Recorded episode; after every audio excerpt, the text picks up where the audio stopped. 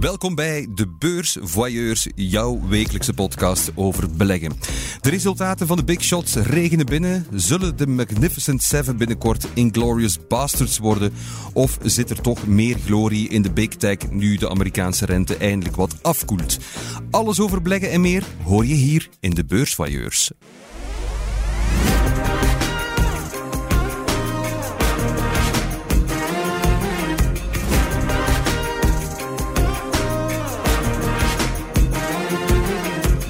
Ook vandaag weer prachtig volk rond de tafel. Ellen Vermorgen van de Tijd bijvoorbeeld en Simon Renti van de Belegger. Simon en Ellen, welkom. Hey Thomas. Hallo. En misschien volgt u allemaal op TikTok of las u andere bijdrages van onze jonge meesterbelegger die we vandaag te gast hebben. Gepassioneerde personal finance expert Thomas Gunter. Dag Thomas, welkom. Hey, tof om hier te zijn. Fantastisch, hoe is het met jou? Goed, goed. Filmpjes aan het maken, ondertussen aan het werk. Uh, super blij om hier vandaag te zijn, om jullie te leren kennen. Geweldig. Iets gelijks, Thomas. Ja. Ik heb gisteren van jou geleerd dat een hond fiscaal aftrekbaar is als je je huis beroepsmatig gebruikt. Ik vond het Ja. heel mooi weetje. En ik heb, dankzij ook, ik heb weer. ook geleerd dat dat alleen maar is als jouw boekhouder sportief is. Oh, oké. Ja, ja. Zo, wordt dat ook omschreven als je boekhouder Die moet- sportief is. Die moet, Dat is een ander woord voor creatief. of zo. als waakhond om uw, om uw zaak te beschermen? Exact, Zoals- exact. Dus het filmpje is misschien een klein beetje te kort door de bocht. Er zijn een paar voorwaarden aangekoppeld, maar in principe is het wel mogelijk om je hond eh, af te Ah Mits te- een lenige boekhouder en een waakhond. exact, hè. Je ja, kan veel- geen keffertje. Ah ja, met zo'n keffer van 4 centimeter ga je er niet eh, Als- boekhoudkundig mee wegraken. Hè. Dat hangt ervan af, denk ik. Als die Streng hele... gecontroleerd wordt. Exact, als die hond zijn job doet, los van de grootte, denk ik dat er wel iets mogelijk moet zijn, inderdaad. Daar heb je ook wel gelijk in. Hè. Die, die kleine keffers zijn vaak nog de ergste. Hè. Exact. Maar goed, we wijken enorm af en we zijn nog maar begonnen. Eh, je hoorde het al, ik noem jou eh, personal finance expert. Want het woord finfluencer, daar, daar word je niet vrolijk van. Hè? Het is dubbel, inderdaad. Ik denk rond influencer, sowieso hangt er al een beetje een negatief stigma. En iemand die dan over finance op social media plaatst, is dan, I guess, een finfluencer. Ja. Maar het is een beetje dubbel, die benaming. Ik heb vroeger bijvoorbeeld zelf al eens een overzicht gemaakt van allemaal content creators. En als ik een berichtje stuurde naar die content creators om te vragen, mag ik jullie opnemen in mijn overzicht, heb ik bijvoorbeeld ook die benaming finfluencer gebruikt. En sommigen zeiden, ja nee, ik wil niet bestempeld worden als finfluencer. Dus er hangt inderdaad een beetje een, een slechte naam term, zo. Exact. Maar jammer, want dat is ook wat je wel bent. Zonder jou eh, te- met dat woord te willen beledigen, maar je, je gaat, je gaat wel mensen beïnvloeden met, jou, met jouw expertise. Inderdaad, als, hoe dat ik het zie is dat als een finfluencer iemand is die op social media finance content plaatst, dan ben ik uiteraard een finfluencer. Maar als een influencer of een finfluencer iemand is die probeert te manipuleren of enkel aan branddeals doet en dan afhankelijk Oh van hoeveel geld dat iemand op tafel legt, dan die content gaan pushen, dan ben ik geen finfluencer. Dus hangt er een beetje van af. Is- Is dat, is dat iets wat, wat dat verleidelijk kan zijn? Word je snel benaderd als je, als je die expertise hebt van, allee, kom Thomas, we gaan een keer even een klein dealtje slaan? Dat gebeurt sneller dan je zou denken, Maar- inderdaad. Dus ik heb ook al voorstellen gekregen, oneerbiedige voorstellen. Denk, misschien van goksites of casino's en zo. Ja. Ehm, dus inderdaad, dat gebeurt wel. Allee. Ja, en die moet je dan, ja, die hou jij allemaal af, neem ik aan? Of, Ja, eh, exact. Dat ja. is instant delete als die e-mails Als daar, eh, binnenkomen. Natuurlijk, ik sta er wel voor open. Ehm, hoe dat ik daar zelf naar kijk nu, is als het een brand is met value add, dus een heel duidelijke value proposition. Een broker of zo. Dat, dat. Bijvoorbeeld een, een, een broker, dus de value moet er zijn voor mijn volgers. En als ik zelf klant ben, dan zie ik daar op zich geen probleem in om, eh, om samen te werken. En dat is ook je ver- verdienmodel dan, Thomas? Daar haal jij je inkomsten uit? Of hoe, hoe kan je dat eigenlijk monetizen, laat ons zeggen, hetgeen dat Wel, jij doet? Ik probeer dat zo, zo lang mogelijk uit te stellen, dat monetize. Ik denk dat dat een valstrik is waar dat veel influencers, finfluencers of content creators of personal finance experten intrappen. Dus vanaf dat ze een klein beetje een followers base krijgen en ze krijgen aanbiedingen, beginnen ze te monetizen. Ook vanuit mijn omgeving kwam heel vaak die vraag van, verdien je daar nu iets aan? Of ehm, zou je dan niet beginnen monetizen. Maar ik denk, no pressure. We hebben alle tijd van de wereld. En ik denk soms, hoe langer dat je dat voor je uitschuift, hoe groter dan de, de beloning op het einde. Ja, maar je moet je rekeningen wel betalen aan het eind van de maand. Nu is het eerder een hobby die me geld kost, inderdaad. Omdat ik betaal iemand om, om de video's te editen en zo, maar het is, het is, dat zijn geen heel grote kosten. Maar het is niet dat ik hier vandaag heel veel geld mee verdien, nee. Maar je, je maakt heel veel filmpjes in jouw wagen. Soms maak ik mij een beetje zorgen dat je ergens tegenaan gaat rijden. Maar ik neem aan dat die, de, de persoon die je betaalt ook de chauffeur tegelijkertijd dan is. I wish. I wish. ik ben van plan om nog eens een grote reveal te doen van de chauffeur. Dus ik zie daar ook veel comments over passeren. Eventjes duidelijk beklemtonen, ik zit zelf niet achter het stuur. Nee, want anders zou het een Engelse wagen zijn. Um, inderdaad. Maar mensen zijn daar ook door in de war, omdat als je in um, selfie-stand filmt, dan is ah, ja, dan spiegelt het. Ja, ja, precies. Ja. Sommige mensen zijn onder de denken dat ik inderdaad achter het stuur zit, mm -hmm. wat niet het geval is. Ik wil dat eventjes beklemtonen. Ik weet niet waar dat de camera staat, maar ik zit dus absoluut niet achter nee, nee, het okay. En het is ook geen fiscale aftrekbare hond die rijdt of zo. Het iemand die kan Nee, rijden. Dus, nee, oké, exact. prima. Trouwens, van eh, jouw laatste filmpje, van wie waren die hondjes op de achtergrond? Want Het die... is gewoon familie. Ah ja, oké. Fantastisch. Thomas, jouw platform, hoe is dat eigenlijk ontstaan? Want je doet het eigenlijk naast je werk. Exact, exact. Het is, het is zo dat ik als consultant werk bij Bosse Consulting Group in Brussel. Ja. En het is niet in die hoedanigheid dat ik hier vandaag ben uitgenodigd. Het is omwille van personal finance. Dat is iets dat ik volledig in mijn vrije tijd doe. Ik schrijf wel al langer content over personal finance. Van vastgoed tot inflatie, tot beleggen op de beurs en zo. Denk sinds begin 2021 schrijf ik daar lange, saaie blogs over. En Heel wervend. Ja? het, is mijn, het is een van mijn beste vrienden die niet zo lang geleden zei van Thomas, uw, uw artikels zijn heel tof, insightful, maar niemand leest dat nog. Dus waarom zou je niet eens Mensen willen video. Ja, Exact. Mensen willen korte, to-the-point video's. Dan heb ik tegen hem gezegd van oké, let's give it a try. Dan heb ik mezelf voorgenomen om 100 video's te maken. Ik denk dat we nu aan denk, nummer 56 of 57 zitten. En daar ben ik nu gewoon mee bezig, 100 video's. En dan kunnen we eens evalueren waar dat we staan. Ja, jou- jouw filmpje over de staatsbon, dat was wel een winnertje, hè? Exact. Kan het dat dat het meest bekeken filmpje van, van de, het hele platform is geworden? Exact, ja. Dus ik denk ook, ik heb onlangs nog eens gekeken op Instagram en ik denk dat die ene video, dus mijn eerste video over de Belgische staatsbon, heeft voor bijna 8000 volgers gezorgd op Instagram. Oké. Dus dat was een beetje mijn groeimoment, inderdaad. Ik had de indruk dat je er geen fan van was. Nee, nee, ik, Ja. zie, ik zie inderdaad niet zoveel nut aan die, aan die Belgische Er staatsbon. was een, een gigantisch enthousiasme rond uh, nogthans. Hè, Ah wel, ik had verwacht dat daar 0 euro naar zou vloeien, maar ik zat er grandioos... Je zat er de 22 miljard. eh, Exact. Kom, ja. Nee, nee, maar ja, eh, dat zijn kleintjes. Nee, maar dat is eh, straf dat je inderdaad, dat was jouw iPhone-moment, laat ons zeggen, dat Exact. filmpje over die staatsbon.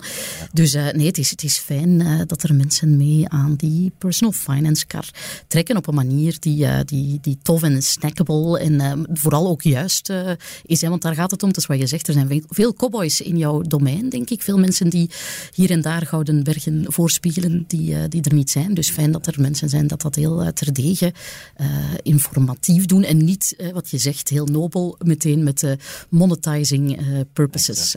Hoewel ik voor jou hoop dat dat ooit wel eh, rentabiliseerbaar is. Hè. Dat is eh, de grote wens wellicht. Ja. ja. Hoe is dat ontstaan, die, die, fascinatie? Ja, het is zo. Ik heb natuurlijk ook studies gedaan die, die bij het beleggen wat aansluiten. Dus ik heb handelsingenieur gestudeerd in Gent. Daar ook afstudeerrichting finance gekozen. Dus het is niet dat het zomaar uit de lucht gevallen komt. Maar, dus sinds dat ik zelf aan het werk ben, heb ik mijn eigen centen belegd. En heb ik een beetje onderzoek gedaan, waarin moet ik dan nu elke maand steken. En dan heb ik, ben ik ook tot de realisatie gekomen van, ik ben hier nu heel veel optimalisaties aan het proberen doen op een relatief klein bedrag. Als je net start met werken, heb je nog niet zoveel centjes, of ik toch niet.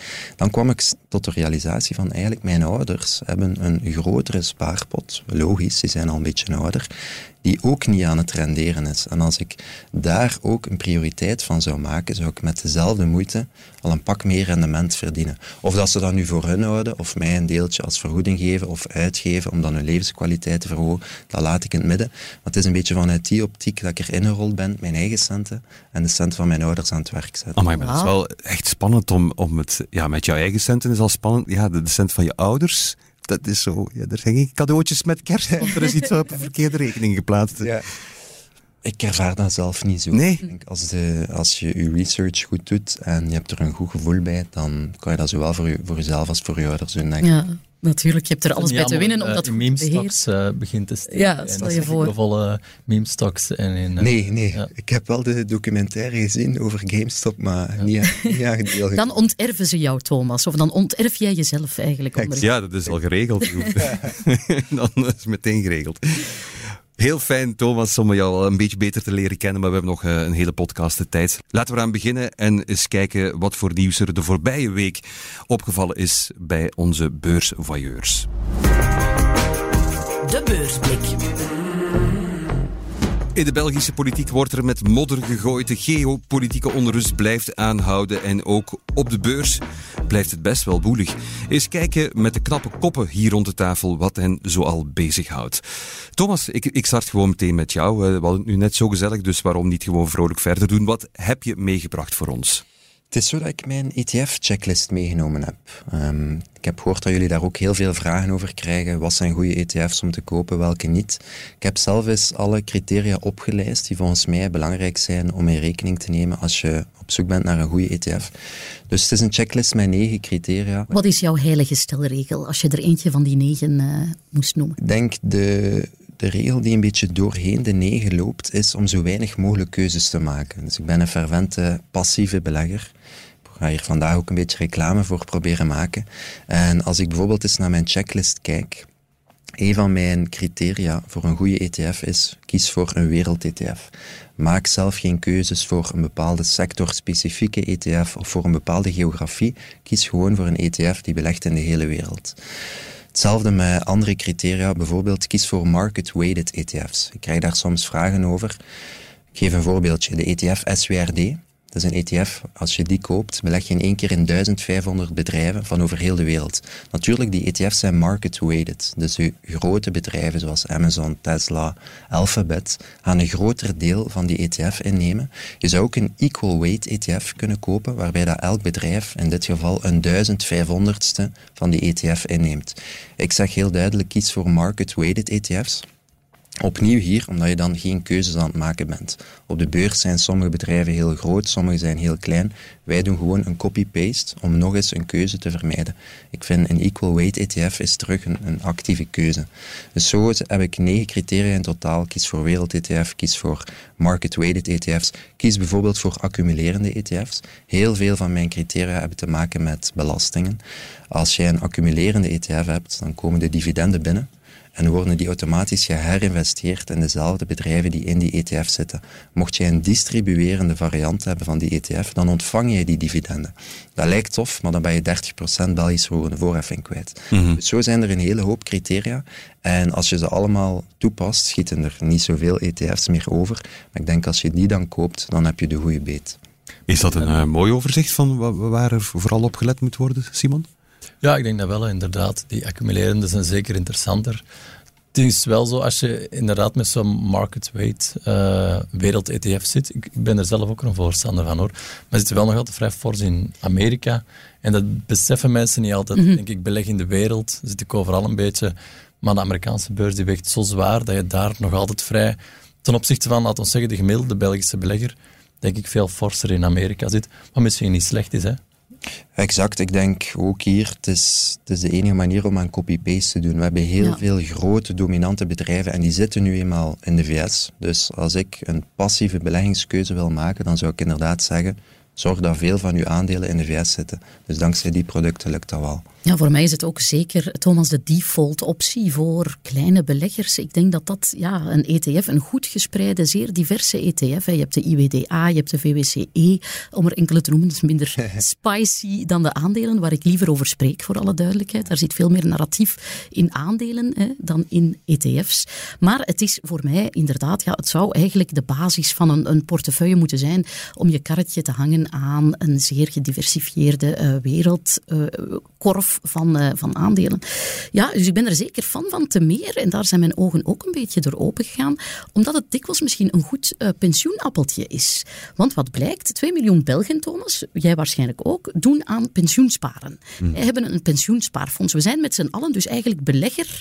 Hè, ook mensen die zeggen, ik heb niks met de beurs, ik beleg niet, zijn toch belegger via hun pensioenspaarfonds. Maar daar weet je eigenlijk soms niet goed wat er onder de motorkap speelt. Mijn collega Serge is dat eens gaan checken en die is onder de kap van zijn pensioenspaarfonds gaan kijken en daar bleek ja, zeer discutabele aandelen bleken daarin te zitten. Biocartis, Mitra, MDX Health, namen waarvan je zegt, maar mannetjes, dat zijn nu toch geen pensioenaandelen te noemen. Hè? Maar daar zit hij al braafjes zijn stortingen voor te doen, voor dat soort bedrijven. Ik zeg niet dat het overal zo is, dat is nu een specifiek pensioenspaarfonds, maar ik denk dan het wordt gepromoot langs alle kanten, want er is een mooi fiscaal voordeel. Maar anderzijds dop je toch niet beter je eigen boontjes via, uh, wat jij zegt Thomas, zo'n goed gespreide ETF. Hoeveel moet je daarmee bezig zijn eigenlijk?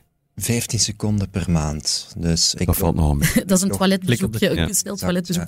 Het is dus inloggen op je broker, aankoop doen en terug uitloggen.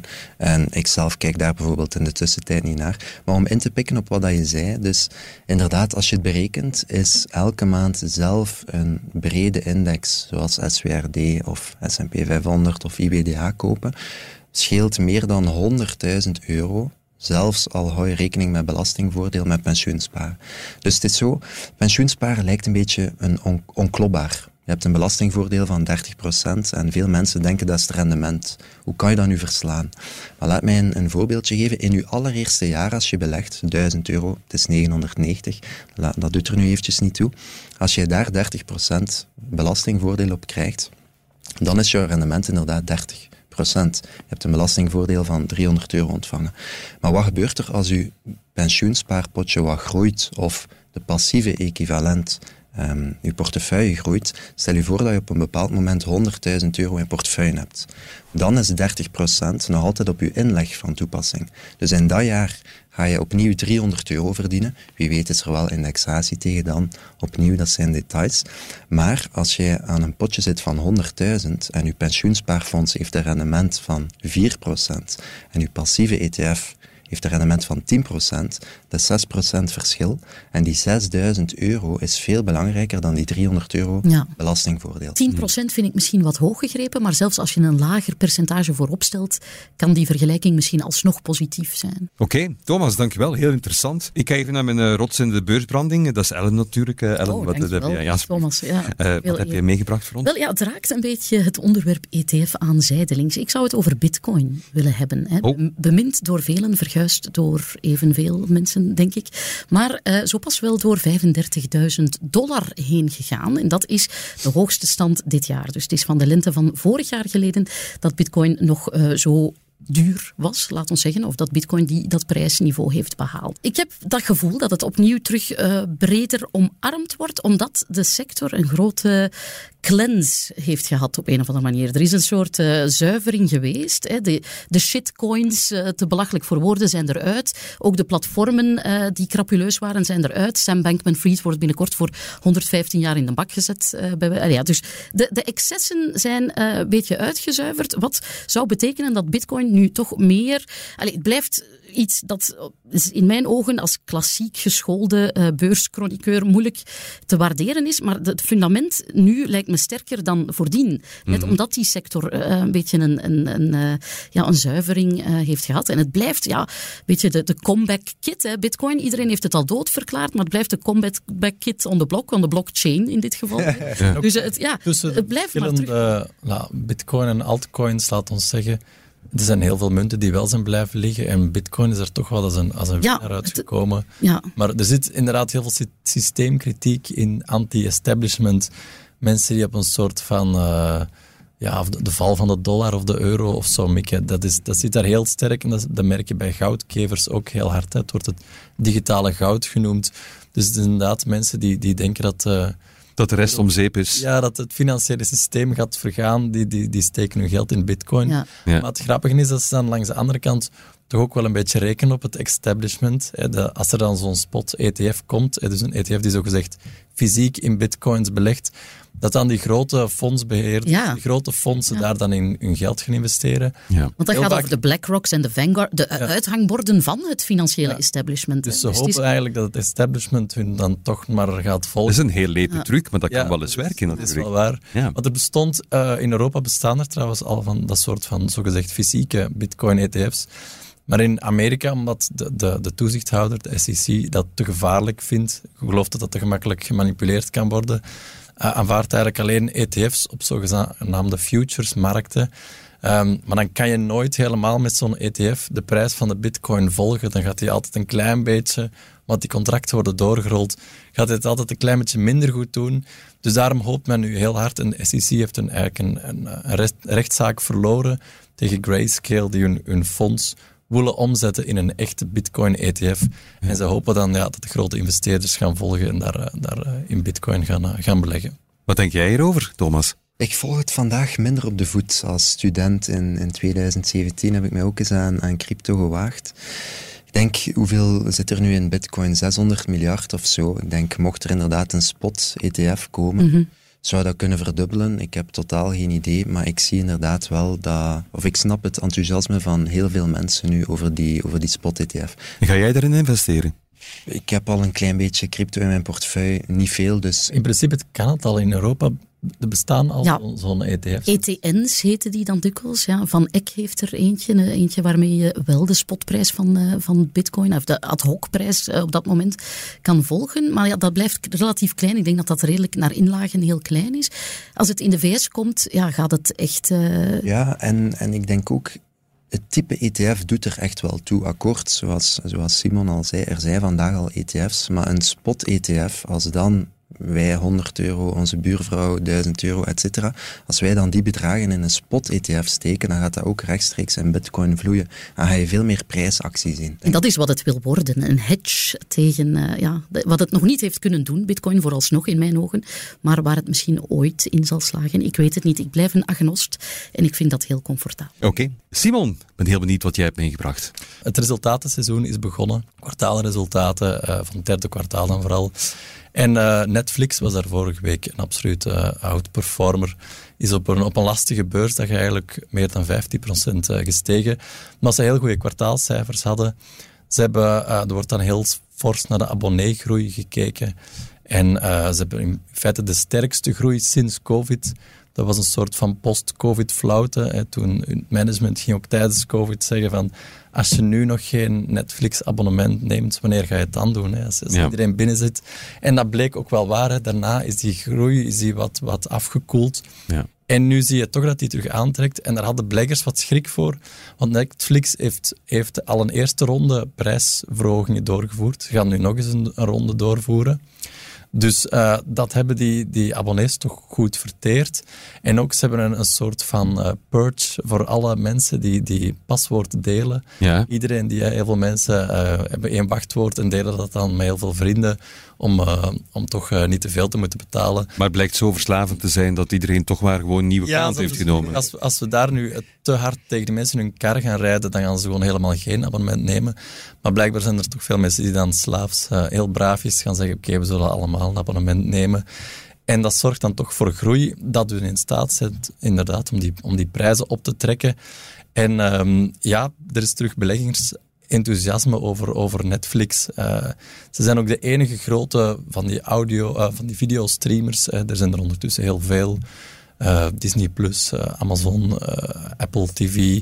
HBO eh, Max. En wij zijn eigenlijk de enige grote die ook winstgevend is. Ah ja, dus ik wou net vragen, eh, profiteert de rest van die platformen daarmee van bijvoorbeeld Disney Plus of, of evengoed uh, Spotify of zo? Daar heb je toch nog altijd het gevoel dat zij, dat zij de marges zijn aan het opofferen om toch maar die groei te hebben. En dat het nog niet winstgevend is. Een bedrijf als Disney verdient heel veel aan hun, hun pretparken.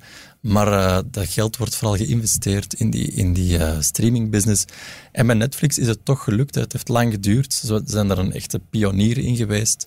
Netflix is ooit begonnen met je kon, kon een mailtje sturen en dan gingen zij bij jou eigenlijk een, video in de bus duwen. Het is echt een soort van online videotheek geweest. En dan zijn ze een pionier geweest met hun streamingbusiness. En um, ja, uh, beleggers zijn er meer en meer van overtuigd dat ze toch iets speciaal in handen hebben een soort van prijszettingsmacht.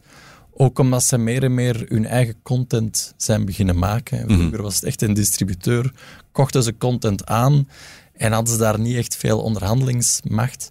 En nu lijkt, lijken ze toch die, die, die schaal hebben bereikt um, om toch wel wat hun, hun prijs te kunnen zetten. Maar het is straf, want ze hebben nu ook een, een abonnement met advertenties. Hè. Dat kost dan een zestal dollar. Maar de ARPU, Dat is zo'n typisch woordje. Hè. Dat doet mij altijd aan Apu van de Simpsons denken. Maar dat average revenue per user voor dat abonnement van 6 dollar, van dat Apu-abonnement, is even hoog. Allee, die Apu is even hoog als bij het duurdere abonnement van 16 dollar. Omdat daar advertenties op zitten. En dat is voor Netflix nog een klein experiment. Maar dat is wel een tapped potential. Want als zij advertenties echt beter of meer zouden uitrollen, ja, dat, dat kan ook weer een gigantische boost op hun inkomsten Het is extra dat ze dat kunnen, want bijvoorbeeld Spotify slaagt daar helemaal Nee. Um, beste voyeurs. Voel mij alweer een pak wijzer. Het zal wel waarschijnlijk van korte duur zijn, maar toch. En dan uh, is het nu toch even tijd om naar Wanda te gaan en haar alle aandacht te geven die ze verdient om is vooral in jouw portefeuille te duiken, Thomas.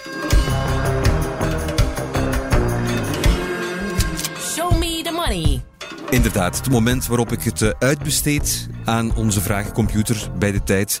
Dat is Wanda. Uh, Wanda zit vol vragen, meer bepaald 20 om precies te zijn. Dus een cijfer van 1 tot 20 is eigenlijk het enige wat ik van jou zou willen horen, uh, Thomas. En dan komt er een vraag uit. Wil je eens proberen? Wil je eens testen? 1. 1, oké. Okay. Van welke gemiste belegging heb je het meeste spijt? Mooie vraag. Het antwoord horen we dadelijk na dit. Personal finance expert Thomas Gunter is hier te gast vandaag bij de Beurs Voyeurs. En we zijn bij de eerste vraag van Wanda aanbeland. Die luidt: Van welke gemiste belegging heb je het meeste spijt, Thomas?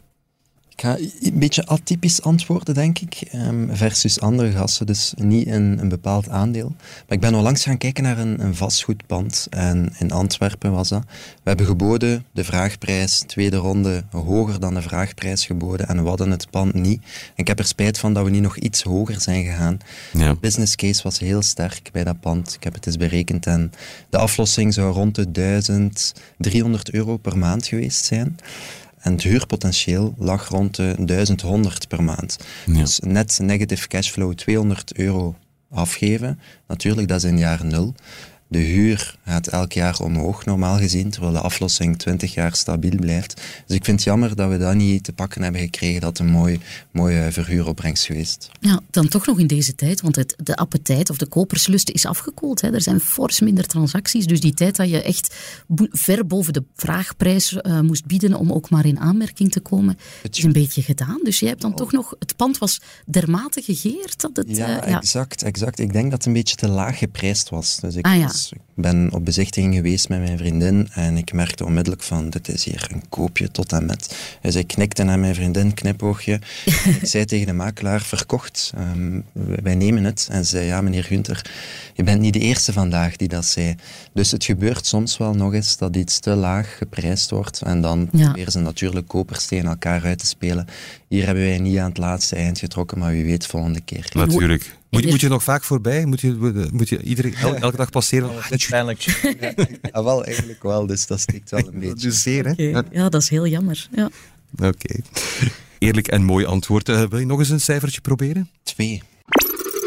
Hoe is de verdeling in je portefeuille? Hoe is de verdeling in mijn portefeuille? Opnieuw ja relatief saai. Dus ik heb een paar grote pilaren. Eén daarvan is natuurlijk beleggen op de beurs. Dat doe ik volledig passief. Ik heb nog legacy aandelen in, in bezit, van toen ik nog actief probeerde beleggen. Vandaag beleg ik enkel in ETF's. Dus dat is één grote pilaar van mijn vermogen of van mijn beleggingen. De tweede grote pilaar is vastgoed. Ik heb de kans gehad om nog aan de lage interest um, vastgoed te kopen. Dus dat is ook een heel groot deel van mijn vermogen. Natuurlijk daaraan gekoppeld ook heel veel schulden. Ik heb die leningen nog af te lossen. Dus Nacho valt dat wel mee. En dan doe ik ook nog een, een, hele hoop andere zaken. Ik zei het daarnet al, een heel klein beetje crypto, niet te veel. Bijvoorbeeld crowdlending doe ik ook. En zo zijn er nog een paar andere zaken die ik doe. Uh, maar het belangrijkste is beleggen op de beurs, passief beleggen en vastgoed met leverage dan van de bank. Mooi gespreid uh, in, over de actieve klasse. Het valt me op dat je zegt legacy aandelen. Dus dat is iets dat je meedraagt uit het verleden, maar dat je dan toch niet verkoopt. Nee. Want je zegt, ja, je, je wilt niet meer stok pikken, maar je houdt toch wel vast aan die aandelen die je dan. Dat zijn dingen die fors gezakt zijn, dan neem ik aan. Wel, een mix. Bijvoorbeeld vorige week um, had Maarten het over EVS. En ik ben nog eens gaan kijken onlangs. En die staat bijvoorbeeld op plus 100% in mijn portefeuille. Maar ik heb er andere die, die op min 50% staan. Dus heel gevarieerd. Het is zo, als strategy consultant mag ik geen aandelen verhandelen. Dus wij hebben toegang tot te veel confidentiële informatie. Mhm. Dus ik mag geen aandelen kopen of verkopen. Ook niet verkopen. Ook niet verkopen. Ehm, toen ik net startte als consultant, had ik wel de kans om mijn aandelen te verkopen, eenmalig. Ik heb daar geen gebruik van gemaakt, dus nu zit ik er een beetje vast. mee. Ja. Ja. Dus zolang je dit doet, ga je ze hebben. Exact. Ja, oké. Nog een cijfertje? Drie. Welke strategie werkt voor jou niet? Denk actief beleggen. Dus zelf gaan nadenken welke aandelen zijn hier interessant, welke sectoren, earnings in de gaten houden, multiples gaan berekenen. Dat is iets waarmee dat ik ook gestart ben als ik mijn eerste stappen op de beurs zette. Maar de resultaten zijn tegenvallend. Als ik mezelf een spiegel voorhoud, en ik denk dat heel veel beleggers dat vandaag beter zouden doen, dan merk ik dat de returns van gewoon brede indexen eigenlijk hoger liggen. Dus om op de vraag te antwoorden wat dat voor mij tot nu toe minder gewerkt heeft, is dat stockpicking. Daarom vind ik dat ook jammer, want ik ben daar natuurlijk niet alleen in. Ik denk dat passief beleggen of het algemeen beursrendement is hoger dan het rendement van 99% van de actieve beleggers als het gaat over een langere tijd. Dat gaat over professionele actieve beleggers, dus mensen die daar heel hun leven mee bezig zijn die 24 op 7 de beurs volgen, die moeilijke berekeningen doen, die ervoor betaald worden om andere mensen hun geld te beleggen, die underperformen brede indexen. Dus wat dat voor mij niet werkt, is iets dat voor heel veel mensen niet werkt en dat is actief proberen beleggen. Bloedt jouw hartje nu een beetje, Ellen? Want Ja, ik voel ja, ja, ja, je weet, ik ben een, ik ben een fan van, van slim stockpicken. Ik vind dat ook mm, dat dat een return heeft die misschien kwalitatief is en niet kwantitatief. En dat is de leercurve. Ik heb nog nooit, en ik beleg ook in ETF's, ik ben nogal een fan van die core satellite benadering. En de core van ETF's met goed uitgekozen satellietjes, eh, individuele aandelen er rond. Ik heb nog nooit ehm, echt veel geleerd van een ETF-belegging. Mijn leercurve zit in het, in het, wat ik nog elke dag beter in word, het proberen balans lezen van bedrijven, de, de onder de motorkap meekijken, de financiële keuken van een bedrijf proberen doorgronden. Ehm, dat is voor mij een return op mijn investering en die is niet meetbaar. En dat is ja, het plezier en de leerschool. Dat klinkt heel fluffy en wollig en misschien een beetje belachelijk. Aan het eind van de rit wil iedereen return. Hè. Eh, maar het is voor mij niet waardeloos. Ik vind dat ook een waarde hebben. Dus alles wat daarbij komt kijken. En dat vind ik nog altijd veel meer in het ja, dwaze, wat jij dan vindt misschien wat eh, ja, stokpikken en dan misschien niet de return te behalen eh, als met een saaie, in mijn ogen, brede ETF. Maar bon, ik vind er is een plaats voor beide. Hè, want met ETF's... ehm, ze werken ook mee een verschraling van de beurs in de hand, omdat je een toevloed van kapitaal hebt in een aantal grote bedrijven of, of machtige delen van de markt die al dominant zijn. Zo steek je een paar eh, ja, andere bedrijven in een flyover-zone. Bedrijven die niet meer worden bekeken omdat ze niet in indexen zitten, maar die wel het bestuderen waard zijn. En het Iemand die ze eruit eh, moet Voilà, halen. exact. Ja. Dus er is iemand, en laat mij dan die eh, persoon maar zijn, die daar eh, naar moet kijken en moet eh, ja, taxeren. En wat Simon ook eh, bijvoorbeeld doet, wat de mensen bij de belegger doen, moet kijken eh, ja, wat, die, eh, wat die waard zijn. Of, eh, Heb, heb je dat niet zo'n beetje als, als ja, met, met liefde voor, voor, voor het vak om zo echt zo eentje te kunnen pikken dat je denkt van kijk, Ja. voilà, daar, daar, heb ik, ik, daar wil ik echt persoonlijk zelf in investeren, want ik geloof Mhm. in dit bedrijf, in dit project. Nee, ik ben... nee, eigenlijk. dat is goed, Ik ja. denk dat ik daar te rationeel in sta. Oké. En, en gewoon puur naar, kijk naar die cijfers van hoeveel procent van de actieve beleggers doet het beter dan die, die passieve index. En die cijfers zijn gewoon bloedslecht. Dus ik ga me daar niet door laten verleiden. Maar het is wel zo, het is een argument om toch voor stockpicking te kiezen als het inderdaad een hobby is, waar dat je voldoening uit haalt. Je moet wel weten, het is de duurste hobby die er is. Veel duurder dan bijvoorbeeld golf. Als je bijvoorbeeld 500 euro per maand belegt en je hebt een rendementsverschil van 5 à 6 procent met een index, na iets meer dan 30 jaar vertaalt zich dat al in, in een miljoen euro.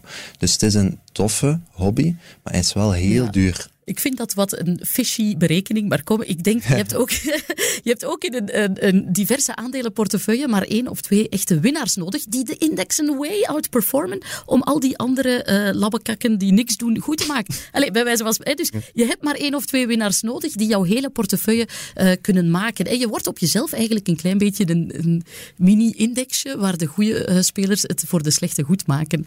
Oké, ik trek het nu wat op flessen, maar je snapt wat ik bedoel. hè. Om daarop in te pikken, inderdaad, actieve beleggers gaan dan sommige aandelen hebben die het heel goed doen, ze gaan aandelen hebben die het heel slecht doen. Maar wat dat voor ons vooral relevant is om te kijken naar studies. En daar kunnen we zien, wat is het gemiddelde, dus alle aandelen in rekening genomen, zowel de winners als de losers, wat is nu het gemiddelde rendement en hoe vergelijkt zich dat met het rendement van de beurs? En één studie, ik denk dat Morgan Stanley was bijvoorbeeld, heeft becijferd in de VS, de average retail investor return, dus de winners en de losers samen, is rond de 4%, terwijl dat de beurs over diezelfde lange periode 10% per jaar gedaan heeft. Dus daar komt die 6% vandaan. Ik vind dat een correcte berekening om die 6% dan 33 jaar uh, toe te passen en te zien dat dat zich vertaalt in 1 miljoen verschil tussen actieve en passieve belegger. Ik hoop dat de actieve belegger dat wel heel veel plezier heeft gehaald. Je gaat onze mini-indexje ja. toch niet op andere gedachten kunnen ja, brengen hoor. En dan kan jij een golfabonnement nemen en dan ga ik wel gewoon voilà. de tijd dat jij gaat golven, ga ik uh, ja, de, de, rapporten van de bedrijven lezen. Okay, voilà, mooie deal. Nog eentje om het af te leren. Doe maar zeven. Welke uitspraak van een iconisch belegger is jou het meest bijgebleven? Behalve alle woorden die Ellen net uh, uitgesproken heeft natuurlijk. Ik denk Warren Buffett vind ik een, een interessant persoon. En het zijn twee uitspraken waar ik aan denk. Eén is, if you don't find a way to make money in your sleep or while you sleep, you will work until the day you die. Dus ik denk of dat nu actief beleggen is of passief beleggen. Jij bent geld aan het verdienen, hopelijk, terwijl je slaapt. Als je de S&P 500 in bezit hebt, dan zijn de, de CEO's van de 500 grootste bedrijven in de VS voor jou aan het werk. En um, dat is iets dat mij echt wel bezighoudt. Um, heel veel mensen ruilen heel hun leven lang tijd voor geld. Ik denk dat we een, een, grote focus, een grotere focus daarop moeten leggen om die loskoppeling te maken. En beleggen is een van de manieren om dat te doen. En dan een tweede quote van Buffett is, um, het is geen exacte catchy quote of zo, maar hij heeft ook al gezegd, mocht er iets met mij gebeuren, dan wil ik dat mijn geld voor 90% in een passieve index wordt belegd. Dus zelf de value god Warren Buffett mocht... Ja, de stokpikker bij uitstek eigenlijk. Exact. Hij zegt ook 90% in de S&P 500, passief alsjeblieft, en 10% ik denk in short short-form government debt of zo. Dus dat vond ik ook wel een, een opvallende quote van Buffett, dat zelfs hij, het orakel van, van Omaha, zegt van als er iets met mij gebeurt, doe maar 90%. Dus omdat hij niemand anders vertrouwt dan zichzelf natuurlijk. dat is gewoon echt... Gewoon als ik weg ben, doe maar gewoon Ja, ja want zegt, ben de prutsers. maar zeer mooi, Thomas. Je hebt uh, Wanda prima doorstaan. Het is tijd om onze luisteraar even ter hulp te schieten, want die popelt van ongeduld om zijn vraag te stellen. Voor al uw vragen is er gelukkig de hulplijn. We bellen u dan altijd terug en proberen zo goed mogelijk te helpen met de beleggersvragen waar u mee zit. Vandaag is het een vraag van Joachim. Hallo, dag Joachim. Hallo, dag iedereen. Beste Joachim, wat is jouw vraag voor onze beurs voyeurs en voor Thomas? Wel, eh, ik zit al een tijdje met een vraag waar ik nog geen antwoord op heb gevonden. En dat is namelijk, als kleine belegger heb je een, een, beperkt bedrag dat je kunt investeren. Ik ben ook volledig 100% into aandelen, om het zo te zeggen. Ik hou wel van stockpicking, los van de, de resultaten of zo. Ik hou er gewoon van. Maar ik heb misschien een beetje aan overthinking gedaan, ik weet het niet. Maar stel bijvoorbeeld, ik ga een paar aandelen bij naam noemen. Ik weet niet of dat, dat, of dat mag. Maar, ja, laat maar waaien. Ja, doe maar op. Ja, ja mag zeker. Okay. uh, dus ik heb eigenlijk gedacht, als we nu bijvoorbeeld een WDP en Montea gaan vergelijken, of een Shell en een Total, Identifica, Care Property, AB InBev, Heineken. Hè. Ik heb dan gedacht, het ene, dat zijn bedrijven die op zich ongeveer een beetje met elkaar te vergelijken zijn. Hè. Maar ik vraag mij dan af, moet ik mij puur focussen op, op de ratio's van die bedrijven? Of is het misschien ook een goed idee om een beetje de, de letterlijke prijs die we betalen per aandeel ook in door te houden, aangezien bijvoorbeeld een, een um, hoe moet ik zeggen, een, een AB InBev bijvoorbeeld 50 euro kost, ik zeg maar iets, en, en Heineken kost het dubbele. Dus als ik hetzelfde bedrag zou investeren in AB InBev, zou ik meer aandelen daarvan kunnen hebben. Als die koers dan stijgt, kan ik eigenlijk meer daarop verdienen.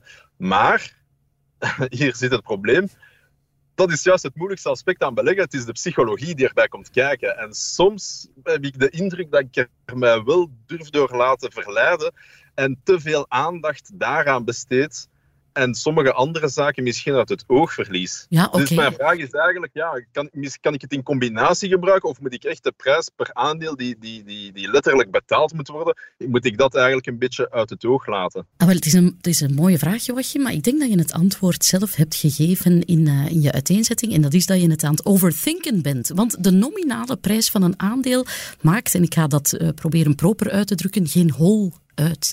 Dat zegt niets over de waardering. Het is niet omdat één aandeel 5 euro is en het andere 500, dat het ene goedkoper is qua waardering dan het andere.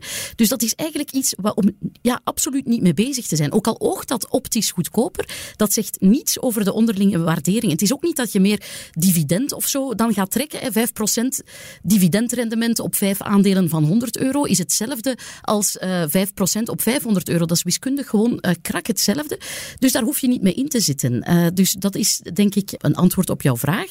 Als je bijvoorbeeld die spelers tegen elkaar gaat afwegen, denk ik dat het belangrijker is om te kijken naar bijvoorbeeld de beurs waar zij genoteerd zijn. En je noemt daar Shell en Total eh, bijvoorbeeld. Dan kan het bijvoorbeeld belangrijk zijn om te kijken naar de jurisdictie, het land waar zij noteren. In het Verenigd Koninkrijk, waar Shell staat, heb je bijvoorbeeld geen directe dividendbelasting. In Frankrijk, waar Total eh, staat, wel. Dat zijn de parameters die je in oog moet houden. En denk niet, ja, de nominale prijs van een aandeel is eigenlijk... Ik snap, ik snap je punt dat je zegt van je wil misschien liever meer stuks hebben. Hè, en dat heb je dan.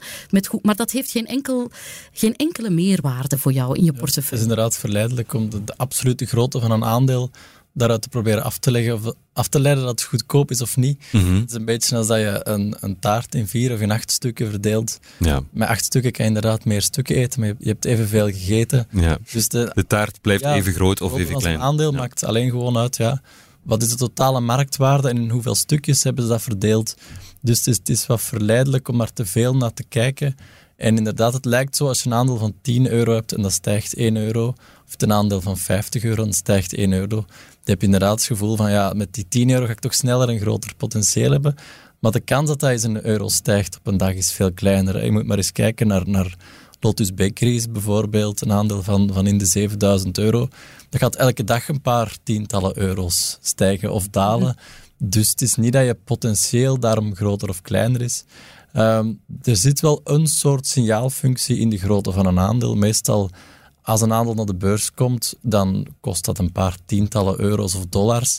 En als je dan ziet dat een aandeel een, een centjesaandeel is, bijvoorbeeld, kan je daar misschien een beetje uit afleiden dat dat in het verleden niet zo goed ge- gepresteerd heeft. Als dat minder dan een euro of een dollar waard is. En een aandeel dat heel groot is, we hebben het over Lotus Bakeries onlangs eh, nog eens een keer gehad.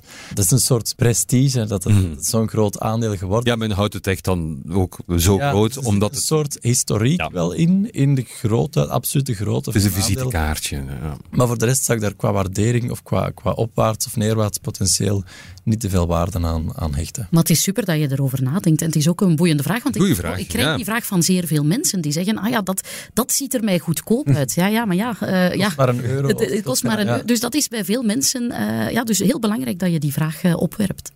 Waarvoor veel dank. Dus eh, Joachim, ben je tevreden met het antwoord? Eh, ja, absoluut, absoluut. Maar zoals Ellen aangaf, had ik wel een vermoeden dat dat het antwoord ging zijn. Dus ja, eigenlijk meer focussen op, op het percentage gewoon in plaats van het letterlijke eh, geld. Hè, om het heel kort eh, samen te vatten. Ja, ja.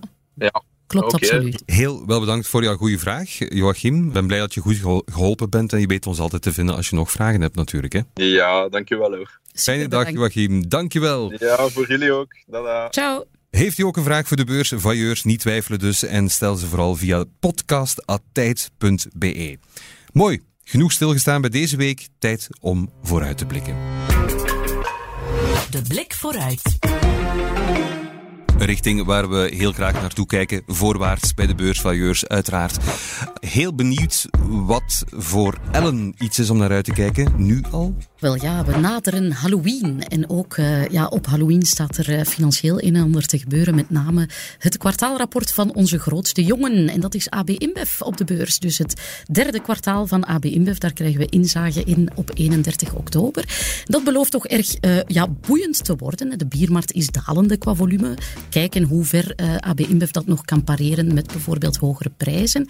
En ze zitten nog in de nasleep van heel die cultuurhetsen in de VS, waar er een, een soort boycott uh, over hen is afgeroepen, een soort fatwa door conservatief Amerika. Speelt dat nog? Is Bud Light uh, aan het herstellen in de verkoop of niet? Dat gaan we kunnen aflezen. En het is eigenlijk fijn, of het zal AB InBev misschien een beetje plezier doen, dat er nog een brouwer is die op dit moment meer imagoschade leidt. En dat is, ik moet zien dat ik het goed, af, uh, goed aflees, Tsingtao Brewery. Dat is de op één na grootste brouwer van China. Hey, maar echt, dat is zo'n goed verhaal. Echt, ja, ja, dus ja, ja. genoteerd in Shanghai en Hongkong. En een van die werknemers, een gigantisch bedrijf, het is in volume in China groter dan AB InBev, heeft er niet beter op gevonden dan uit frustratie in een bierketel pipi te doen. Dus we zitten daar met een pipigate. Die man, ze heeft daar een filmpje van gemaakt. Dus die staat te urineren in zo'n bierketel. Mm. En daarop is de beurs van Tsingtao, de beurskoers, danig onderuit gevlogen. Want niemand wil natuurlijk ja, letterlijk uh, slappe pizelou uh, drinken. nu nog dus... Heineken heeft daar een volledig verdienmodel op gebaseerd. Dus ik, ik, ik, zie het probleem eerlijk gezegd. Ik zit ook niet te wachten op een pintje met pipi. Hè. Maar pipi is perfect steriel. En okay. misschien hebben ze wel een, uh, een heel mooie Grand Cru laten liggen. Die ze, een mooie smaakpairing. Wie weet dat die man met een lekkere, ja, iets heel lekkers gegeten. Het wordt een beetje een, een, een, een Indian Pale Ale-achtig. Ja, Thomas, jij bent hier de koers van Tsingtao Breweries eigenhandig weer aan het omhoog praten. Dus dat uh, kan maar proberen. Hè. Maar een goed verhaal, dat, dat absoluut wel. Simon, waar kijk jij naar uit? Ja, het wordt echt uh, cijfers de komende weken. Dus inderdaad, AB InBev komt eraan. Uh, Caterpillar is, is klassiek zo'n soort van uh, hartslagmeter voor de economie. Zware machinebouwer. Ah, ja, ja. als grondstoffenbedrijven minder beginnen investeren, is dat meestal teken dat de, de, economie het niet zo goed doet. En omgekeerd natuurlijk. Apple komt er ook aan. Dat gaat ons ook meer vertellen over onder andere de devices-markt. We gaan de, de, iPhone verkopen, doen die het wat beter. Wat zijn hun vooruitzichten daarover? Dus heel veel bedrijven die eraan komen. Um, McDonald's ook onder andere. Er wordt veel gesproken over de, de Ozempic-spuitjes. Ja. Gaan mensen inderdaad minder, minder burgers daardoor eten? We zullen het horen. En misschien, eh, als we even kunnen terugkoppelen naar Ellen, naar onderwerp, misschien een nieuwe uitbraak voor, uh, voor de bitcoin. Misschien zit dat er wel, uh, wel aan te komen de komende weken. Dus veel dingen om naar uit te kijken. Boeiende tijden, dat is toch wel prettig om vast te stellen. Wat, waar kijk jij naar uit, Thomas? Als passief belegger is er niet veel waar ik naar uit. Kijk, nu, en nu, nu voel jij hoe droevig dat allemaal is. En ik zit hier met een mooi verhaal. En, en met ja. Nee, dus qua, qua earnings en zo is er niets dat ik op de voet aan het volgen ben. Maar ik hoop natuurlijk, um, binnenkort komen de feesten eraan en zo. Dus dat zijn dan zaken waar ik naar uitkijk. Misschien zonder pintje deze keer. Um, ja. En ook iets om naar uit te kijken. Hopelijk Oekraïne, Gaza-strook. Ik hoop dat minder leed, uh, leed valt. Uh, dus dat zijn zaken dat ik uh, voor hoop of naar uitkijk. Goede feesten. Um, beetje betere wereld. Maar de earning seasons laat ik aan mij voorbij gaan. Dankjewel, Thomas. Heel fijn. Dit was het voor vandaag. Ik bedank onze beursvoyeurs van dienst Elvermorgen, Simon Renti, natuurlijk onze bekende voyeur Thomas Gunter. En ook een grote dank aan luisteraar Joachim voor zijn boeiende vraag. Volgende week zijn we opnieuw met een gast die nog niet al te veel wou prijsgeven. Behalve dit. Graag tot volgende week. Hallo beursvoyeurs. Ja, ik ben heel blij dat ik volgende week mag langskomen. Zeker in mijn nieuwe positie. Ik heb veel te vertellen, hè. Het is maar op de fiets springen en hops, ik ben daar. Ik ben met niet anders bezig dan met de beurs. Ah, dat is evident. Ah ja. Maar je hoort het wel volgende week. À la semaine prochaine. Dit was de Beursvoyeurs. Presentatie door Thomas de Soete. Productie door Anne-Sophie Moerman. Mis het beursnieuws niet op tijd.be.